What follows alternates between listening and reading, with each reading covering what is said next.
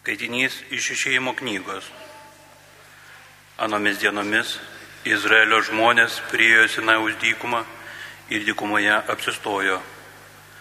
Izraelis įsirengė stovyklą priešais kalną ir Mozė užkopė pas Dievą. Viešpas pašaukė Mozę nuo kalno tardamas. Taip kalbėsi Jokūbo namams ir paskelbsi Izraelio vaikams. Jūs matėte, ką padariau egiptiečiams, kaip nešiau jūs anerelio sparnų ir pas save jūs atsivedžiau. O dabar jei paklau, pak, paklusite mano balsui ir laikysitės mano sandoros, jūs būsite mano nusavybė ir brangesnė man už visas kitas tautas. Iš tikrųjų, man priklauso visa žemė, bet jūs būsite mano kunigiška karalystė ir šventa tauta. Tai Dievo žodis. Dėkojame Dievui. Mes jau tauta ir jo kaimenės savys. Mes jo tauta ir jo kaimenės savys. Linksmai tarnaukite viešpačiui, artinkitės prie jo su džiaugsminga giesme. Mes jo tauta ir jo kaimenės savys. Atminkite, viešpats yra Dievas. Jis mūsų kūrė, mes jam priklausom. Mes jo tauta ir jo kaimenės savys. Mes jo tauta ir jo kaimenės savys.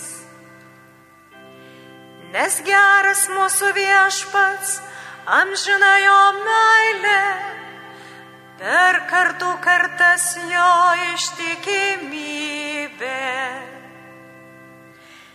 Mes jo tauta ir jo kaimenės savys. Skaitinys iš Šventojo Paštalo Pauliaus laiško romiečiams. Broliai ir seserys, mums dar tebesant silpniems, Kristus skirtų metu numirė už bedievius. Vargu ar kas sutiktų mirti už teisųjį, nebent kas ryštusi numirti už gerą darį.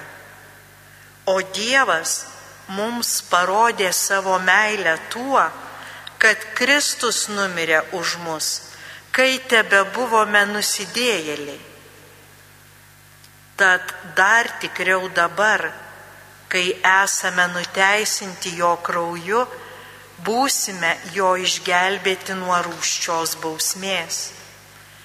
Jeigu, kai dar buvome priešai, mūsų taikino su Dievu, jo sūnaus mirtis, tai juo labiau mus išgelbės jo gyvybę, kai jau esame sutaikinti. Negana to, dar galime didžiuotis Dievu per mūsų viešpatį Jėzų Kristų, kuris mūsų sutaikino. Tai Dievo žodis. Dėkojame Dievui. Aleliuja,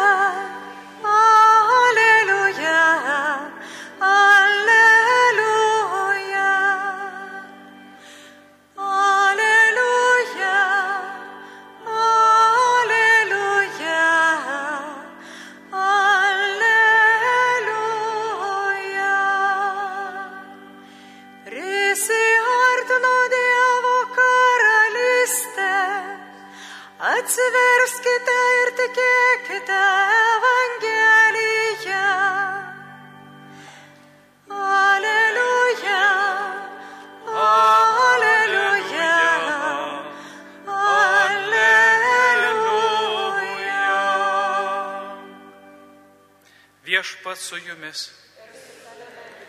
Iš Ventosios Evangelijos pagal matą. Anu metu matydamas mines, Jėzus gailėjosi žmonių, nes jie buvo suvargę ir apleisti, lik avis be piemens. Tuomet jis tarė mokiniams, pjūtis didelė, o darbininkų maža. Melskite pjūtie šeimininką, kad atsiųstų darbininkų į savo pjūtį. Pasišaukęs dvylika mokinių, Jėzus suteikė jiems valdžią netyrosioms dvasioms, kad išvarinėtų jas ir gydytų visokias ligas bei negalės. Dvylikos apaštalų vardai. Pirmasis Simonas pavadintas Petru ir jo brolis Andriejus. Zebedėjaus sūnus Jokūbas ir jo brolis Jonas. Pilypas ir Baltramiejus. Tomas ir muitininkas Matas, Alfijaus sūnus Jokūbas ir Tadas, Simonas Kananietis ir Judas Iskarijotas, kuris ir išdavė jį.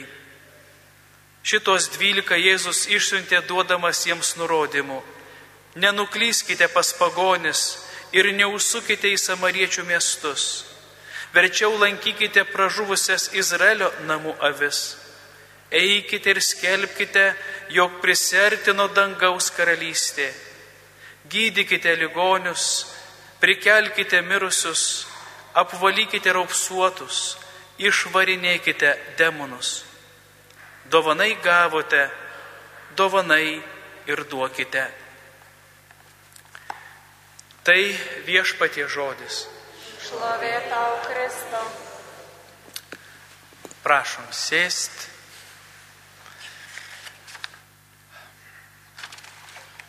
Šiandien pirmame skaitinėje girdėjome viešpaties pažadą.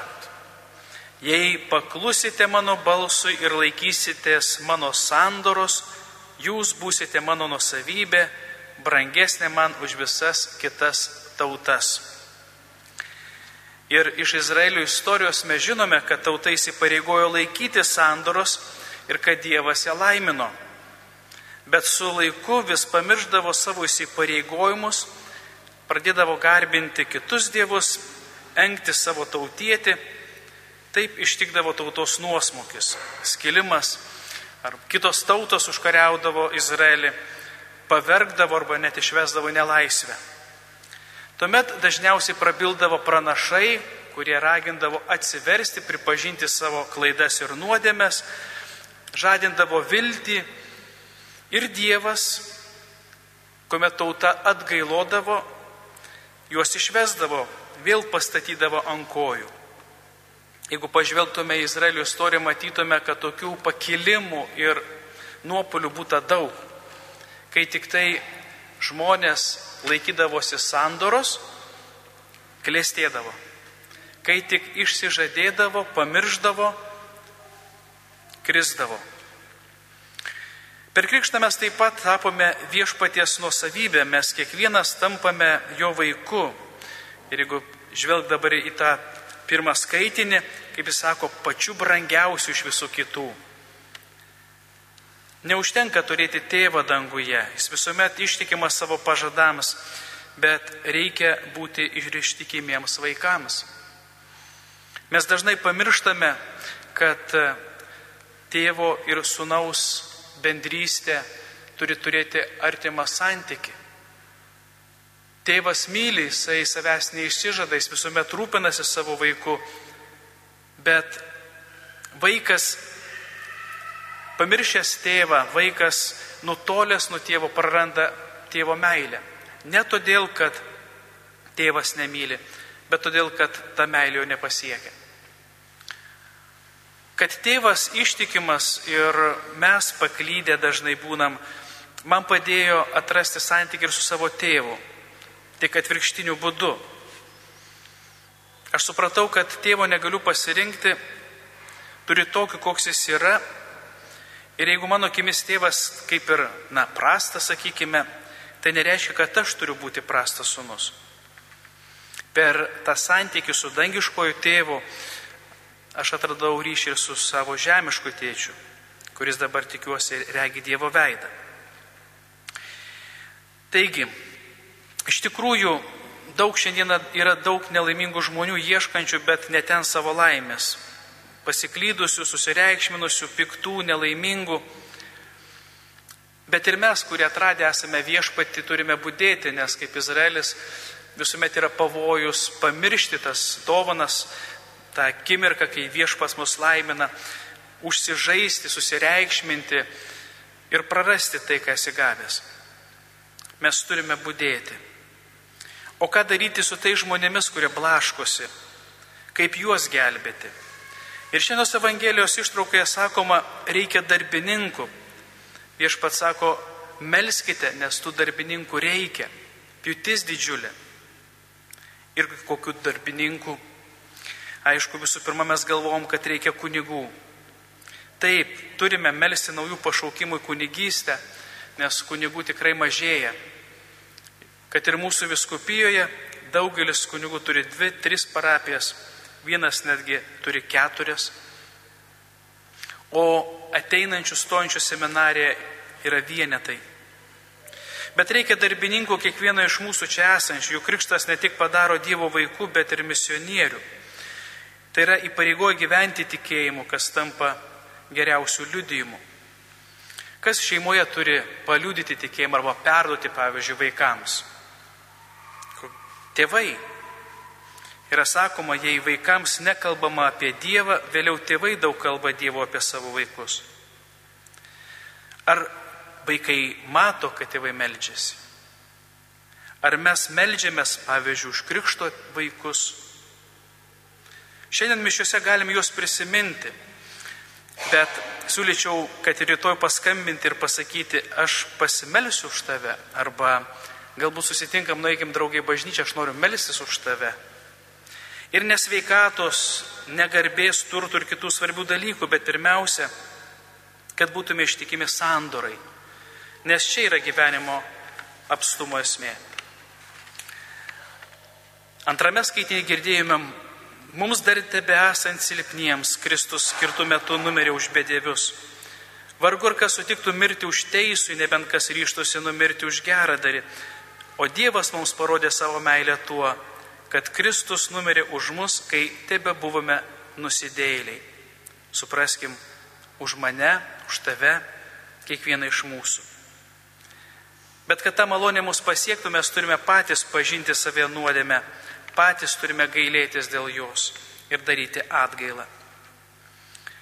Palaimintasis Teofilius, prie kurio relikvių esame, savo ganytojiškame laiške ragino. Nenusiminkite, brangus broliai ir seseris Kristuje, nepraraskime pusiausviros.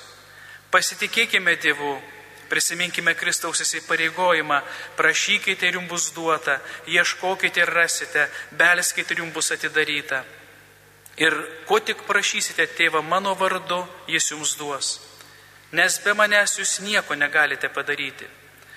Taigi, pirmiausia, šaukimės Dievo gailestingumo Bet atsiminkime, kad būtina sąlyga laimėti Dievo gailestingumą - susitaikyti su Dievu per atgailos sakramentą.